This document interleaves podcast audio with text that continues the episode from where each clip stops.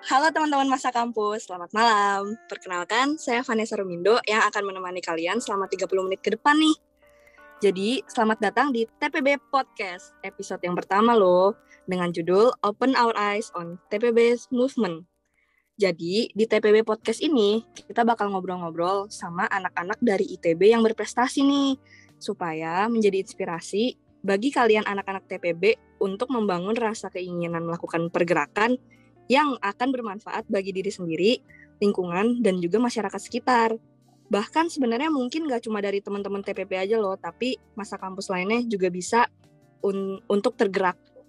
Nah, malam ini kita ada tamu spesial nih. Langsung aja ya kita panggil Felicia Priskila dari Aktuaria 20, salah satu mahasiswa berprestasi di ITB yang aktif banget nih, ikut banyak kegiatan dalam ITB maupun di luar ITB. Boleh Felicia Oke, halo teman-teman semua. Kenalin, aku Felicia Priskila dari Aktuaria ITB 2020. Salam kenal semuanya. Salam kenal, Vel. Um, gimana nih kabarnya? Puji Tuhan baik, Van. Sekarang tapi masih di asal tempat asal aku. Aku di Jambi sekarang. Oh, jauh banget ya dari Jambi. Aku dari Tangerang nih. Iya, ini agak di Sumatera ya, agak jauh. Iya, kita LDR banget ya nih Sumatera Jawa. Iya, benar banget. Um, kalau aku boleh nanya, kesibukan kamu akhir-akhir ini apa nih? Dengar-dengar kan kamu banyak ikut kegiatan. Oke, mungkin kalau kesibukan yang pertama banget ya kuliah ya. Aku sekarang aktuaria semester 3. Terus kegiatan yang paling besar sih sekarang aku jadi presiden di organisasi namanya Kolegas Indonesia. Jadi ini organisasi yang berkolaborasi dengan Sejuta Cita Indonesia, kalau teman-teman tahu. Dan sekarang kita lagi di tahap awal sih, kita masih rekrutmen proses gitu. Jadi teman-teman board of director lagi interview teman-teman staff gitu. Dan selain itu aku juga jadi director of public relation di salah satu unit juga di TB namanya Society of Renewable Energy yang membahas energi baru terbarukan. Mungkin kalau yang besar itu itu aja sih. Aku juga ada jadi staff, mungkin di himpunan itu aku baru join jadi magang bendahara. Terus aku juga join KASEP, unit di ITB juga, kelompok studi ekonomi dan pasar modal. Sekarang jadi staff MAMET atau materi dan metode untuk kaderisasinya. Mungkin gitu aja sih, Van. Serius, Vel. Aku dengernya langsung minder ya. Banyak banget itu kamu bagi waktunya gimana deh? Bisa kepegang semua gitu. Ya, dengan doa dan waktu sih, Van. Tapi ya, aku mungkin dari akademiknya sih, aku fokus di kelas gitu sih. Aku kayak nyatet. Dan di selang-selang waktu itu aku gunain waktunya dengan yang terbaik lah. Jadi pas malam tuh kadang tugas tuh kayak udah nggak ada aku udah selesai sebelum siang. Dan kebetulan sebenarnya jurusan aku bukan yang terlalu banyak tugas gitu juga sih Van. Hmm, jadi kalau tugas dari dosen gitu nggak terlalu banyak gitu ya?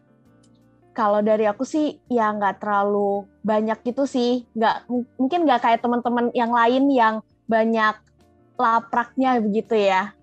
Hmm, iya iya. Ngerti ngerti. Tapi itu kamu ada waktu buat kayak me time atau main gitu gak? Ada Van, aku masih ada waktu, aku masih sering nonton drakor rutin, mungkin satu minggu tuh bisa nonton tiga episode gitu sih. Oh keren juga ya ampun, oke kamu keren. Kalau gitu langsung masuk ke pertanyaan intinya aja ya, aku penasaran deh. Waktu kamu TPB tuh, kamu ikut kegiatan apa aja? Oke, kalau buat TPB itu aku pertama banget join di Agustus 2020 di sponsorship team di Hold Prize at ITB itu lomba business idea competition gitu di bawah Hold Prize Foundation dan United Nation. Tapi untuk on campus programnya di ITB terus juga aku di Student XCO 10 Grand Summit. Kalau teman-teman tahu itu cukup terkenal ya. Aku join di pre-event timnya. Terus di akhir 2020 itu juga aku mulai perjalanan aku di Collegacy aku join mentoring gitu di kolegasi sebagai student dan aku belajar tentang environment. Jadi di sana kita diajarin tentang environment dan di didorong untuk menyelesaikan suatu permasalahan di bidang lingkungan environment gitu. Dan setelah mentoring itu juga kita didorong untuk membuat kolegasi business case competition bersama teman-teman student yang lain dan di sana aku dipercaya menjadi manager of sponsorship karena mengingat aku juga pernah jadi staff sponsorship di Kopres at ITB gitu. Mungkin selanjutnya di akhir-akhir masa TPB aku itu aku jadi vice director event di Investment Festival itu acara webinar dari Kasep yang tadi aku bilang. Sama aku juga join ini sih event organizer di Ganesha Fund ITB itu acara webinar gitu untuk teman-teman SMA di Jambi. Jadi untuk memperkenalkan ITB di Jambi itu dari unit aku juga sih. Namanya keluarga mahasiswa Jambi. Karena aku dari Jambi kan jadi aku join unit itu. Mungkin gitu Van? Wah ternyata TPB pun juga banyak ya. Padahal TPB tuh banyak laprak juga kan Vel. Mungkin beda sama jurusan sekarang. Nah iya bener sih kemarin juga lumayan banyak ya laprak fisika kimia gitu kalau di aku oke dari sekian banyak kegiatan yang aku dengar tuh, kalau menurut kamu yang dirasa paling bermanfaat tuh yang mana? Dan kenapa kamu merasa itu paling bermanfaat? Kalau dari aku sendiri, jujur yang kolegasi itu, baik dari yang aku student maupun yang aku udah jadi manager sponsorship di kolegasi Business Case Competition.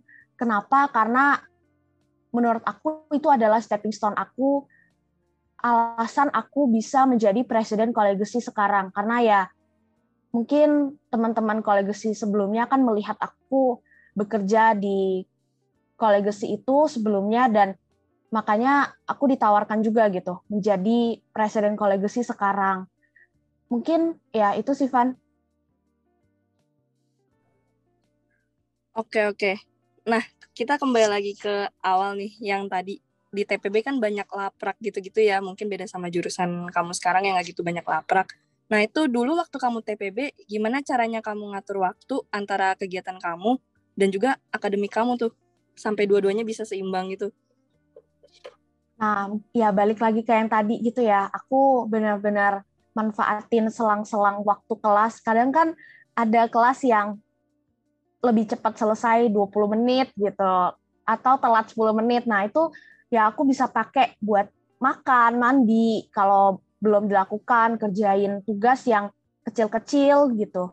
Terus juga aku di um, selang-selang itu benar-benar dimanfaatkan dengan baik sih. Terus juga kalau ada kelas tuh kadang adalah beberapa yang agak membosankan ya. Dan ya aku kadang sambilan kerjain tugas yang lain gitu. Jadi udah selesai nanti tugasnya. Nggak terlalu menumpuk gitu.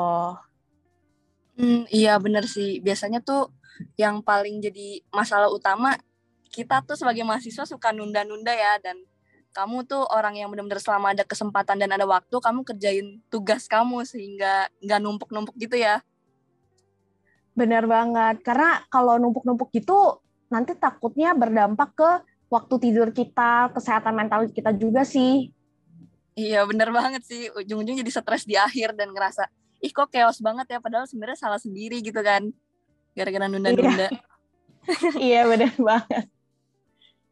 Oke oke kalau gitu aku ngeliat-liat kan kamu banyak banget nih ikut kegiatan di luar akademik ya. Sebenarnya arti kegiatan di luar akademik buat kamu itu apa sih Val? Menurut aku artinya ya luar biasa banget sih kehidupan aku di kampus gitu jadi ya selain aku cuman berkutik di akademik, aku juga bisa ketemu teman-teman baru, ketemu keluarga baru, dan juga apa ya perjalanan aku untuk mencapai jenjang karir nantinya gitu. Karena aku mau explore banyak hal selain di akademik aja gitu.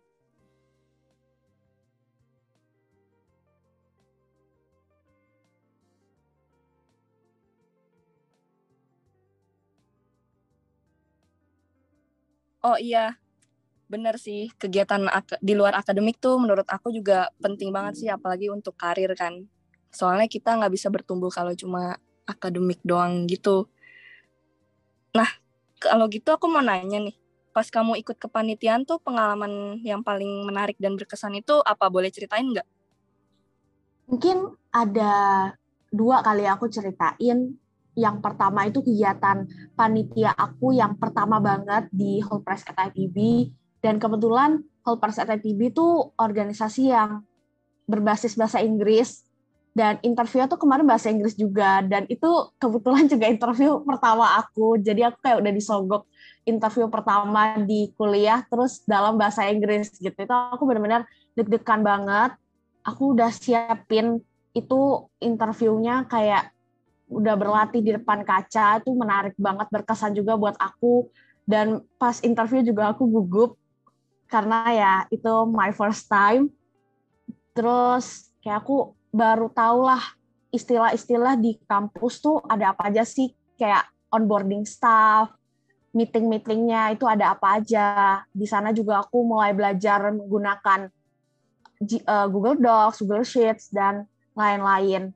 Terus mungkin kalau yang kedua itu di Student XCO and Grand Summit tuh aku jadi pre-event team. Kenapa berkesan? Karena di sana aku benar-benar ketemu teman-teman baru yang seru banget sih dan kita tuh kerja cukup intens ya, cukup emang sibuk karena pre-eventnya tuh cukup banyak gitu. Kita setiap dua minggu sekali ada acara, ada acara selama 2 sampai tiga bulan gitu. Jadi cukup intens, tapi di satu sisi aku tetap happy gitu kerjainnya. Nah itu juga penting sih. Yang penting teman-teman itu tetap happy kerjainnya, nggak nggak banyak ngeluh gitu. Ngeluhnya ya paling dikit-dikit aja lah, jangan terlalu berlebihan sampai draining sendiri gitu. Oh iya, setuju banget sih. Sebenarnya tuh apa pun yang kita kerjain tuh bakal jadi berkesan dan gampang-gampang aja kalau dari kitanya tuh enjoy gitu ya, Vel ya. Benar, benar banget. Ya di enjoy-enjoyin aja lah. Soalnya kalau kita nggak enjoy juga kita nggak bisa ngapa-ngapain juga kan. Kalau mau mengundurkan diri juga itu benar-benar butuh keputusan yang keputusan dan pemikiran yang lama dan harus dipikirin baik-baik gitu. Iya bener sih, sayang banget gak sih udah susah-susah bisa masuk organisasi atau kepanitiaan itu, terus gara-gara ngerasa capek dan susah malah pengen mundurin diri. Iya, makanya harus dipikirin dulu gitu dari awal sebelum ikut kalau emang benar-benar mau mengikuti organisasi ini. Hmm, setuju, setuju. Nah, kan kamu banyak banget ikut kegiatan nih, kayak banyak banget. Ada yang pernah terlewat gak sih kayak organisasi atau kepanitiaan yang menurut kamu bagus, tapi kamu kelewat gitu dan jadinya nyesel? Kalau itu banyak ya, karena aku merasa TPB aku tuh harusnya aku masih bisa isi lagi gitu dengan kegiatan lain, apalagi yaitu tahun pertama dan apa ya karena tahun pertama tuh kadang anak cutting-cutting itu suka lihat oh ini dia masih tahun pertama jadi masih tahap belajar lah gitu. Makanya itu waktu-waktu kita untuk mencoba lebih banyak. Kalau yang kegiatan yang aku sesali pertama itu aku nggak pernah join kegiatan terpusat. Itu aku nyesel sih. Harusnya aku at least mencoba gitu sekali ikut kepanitiaan terpusat untuk ya panitia wisokto wisuda wisuda AMI gitu juga OSKM bahkan kemarin aku lewat gitu kegiatan OSKM karena pas itu aku lagi agak chaos. Tapi setelah itu aku agak nyesel padahal aku mau banget gitu. Terus kayak aku nyesel juga sih ada beberapa kegiatan uh, internship yang kayaknya aku bisa deh di semester 2 di TPB itu. Terus juga akhir-akhir ini mungkin baru-baru ini sih kayak ada yang student XCO yang batch baru itu aku juga agak nyesel nggak ikut karena kayaknya seru juga di situ. Mungkin gitu sih Van, masih banyak sih, cuman aku kurang ingat sih pastinya karena udah agak lama juga. Oke oke, aku mau nanya nih, aku penasaran, kenapa kamu lebih milih ikut organisasi atau kepanitiaan lain daripada kepanitiaan terpusat gitu, kayak Wisokto, AMI gitu-gitu sampai kamu terlewat? Oke, ini pertanyaan agak sulit juga ya, kayak bahkan aku belum pernah coba gitu bagaimana aku bisa menilai suatu kepanitiaan itu. Mungkin alasannya karena aku kayak udah terlanjur nyaman gitu sama organisasi di luar kampus selain kepanitiaan terpusat dan ya mengingat kepanitiaan pertama aku juga di luar kepanitiaan terpusat terus juga mungkin aku melihat kepanitiaan terpusat tuh agak cukup rame ya. Itu mungkin alasan aku sih cukup rame. Aku takutnya juga nggak bisa terlalu berbaur. Takut um, aku kurang bisa memberikan kinerja yang baik gitu di sana karena ya rame gitu. Oke oke, makasih banget nih Vel udah mau berbagi kisah kamu dari ikut banyak kegiatan di luar kampus maupun di dalam kampus juga dan ngasih tips and trick juga ya supaya masa kampus yang denger podcast ini bisa tahu gimana sih supaya bisa ikut banyak kegiatan di luar akademik tapi akademiknya juga kepegang gitu. Thank you banget. Dan aku mau nanya dari kamu, ada pesan nggak buat anak-anak TPB 2021 maupun masa kampus yang lainnya? Nah, kalau dari aku, pesan untuk TPB 2021 ya, khususnya manfaatkanlah waktu kalian, walaupun kalian masih tahun pertama, jangan berleha-leha gitu, karena kesempatan itu nggak bakal datang dua kali, tapi memang kalian harus tetap ingat juga waktu-waktu kalian, apakah kalian masih cukup untuk tambahan organisasi lain, tapi di satu sisi juga kalau memang masih cukup, ya kenapa tidak dicoba karena ini kesempatan kalian dan juga tetap semangat sih jaga kesehatan, jaga mental, jangan dibawa terlalu sulit untuk kegiatan akademik dan di luar akademiknya. Kalau kita bawa stres sendiri, itu bakal ya memengaruhi kesehatan mental kita juga dan mungkin salah satunya ingat kalau nggak semua itu bisa kita kontrol. Ada juga beberapa hal yang emang nggak bisa kita kontrol gitu, berjalan dengan seadanya. Mungkin gitu aja sih, Van. Dan aku juga makasih banget ya, Van, udah temenin aku hari ini. Oke, bagus banget nih pesan dari Feli ya. Iya bener sih guys, pokoknya kalian harus pinter-pinter ngatur waktu dan ya jalaninnya tuh enjoy aja gitu jangan sampai kalian stres. Justru kalau misalnya kalian stres dan mikir aduh susah banget aduh capek banget aduh berat banget justru itu malah bikin semuanya jadi berantakan seperti yang Feli udah bilang tadi. Oke okay, guys sekian dari podcast TPB episode yang pertama ini. Um, kita akan bertemu lagi di podcast selanjutnya. Keep healthy ya guys. Bye bye Bye-bye semua. Thank you.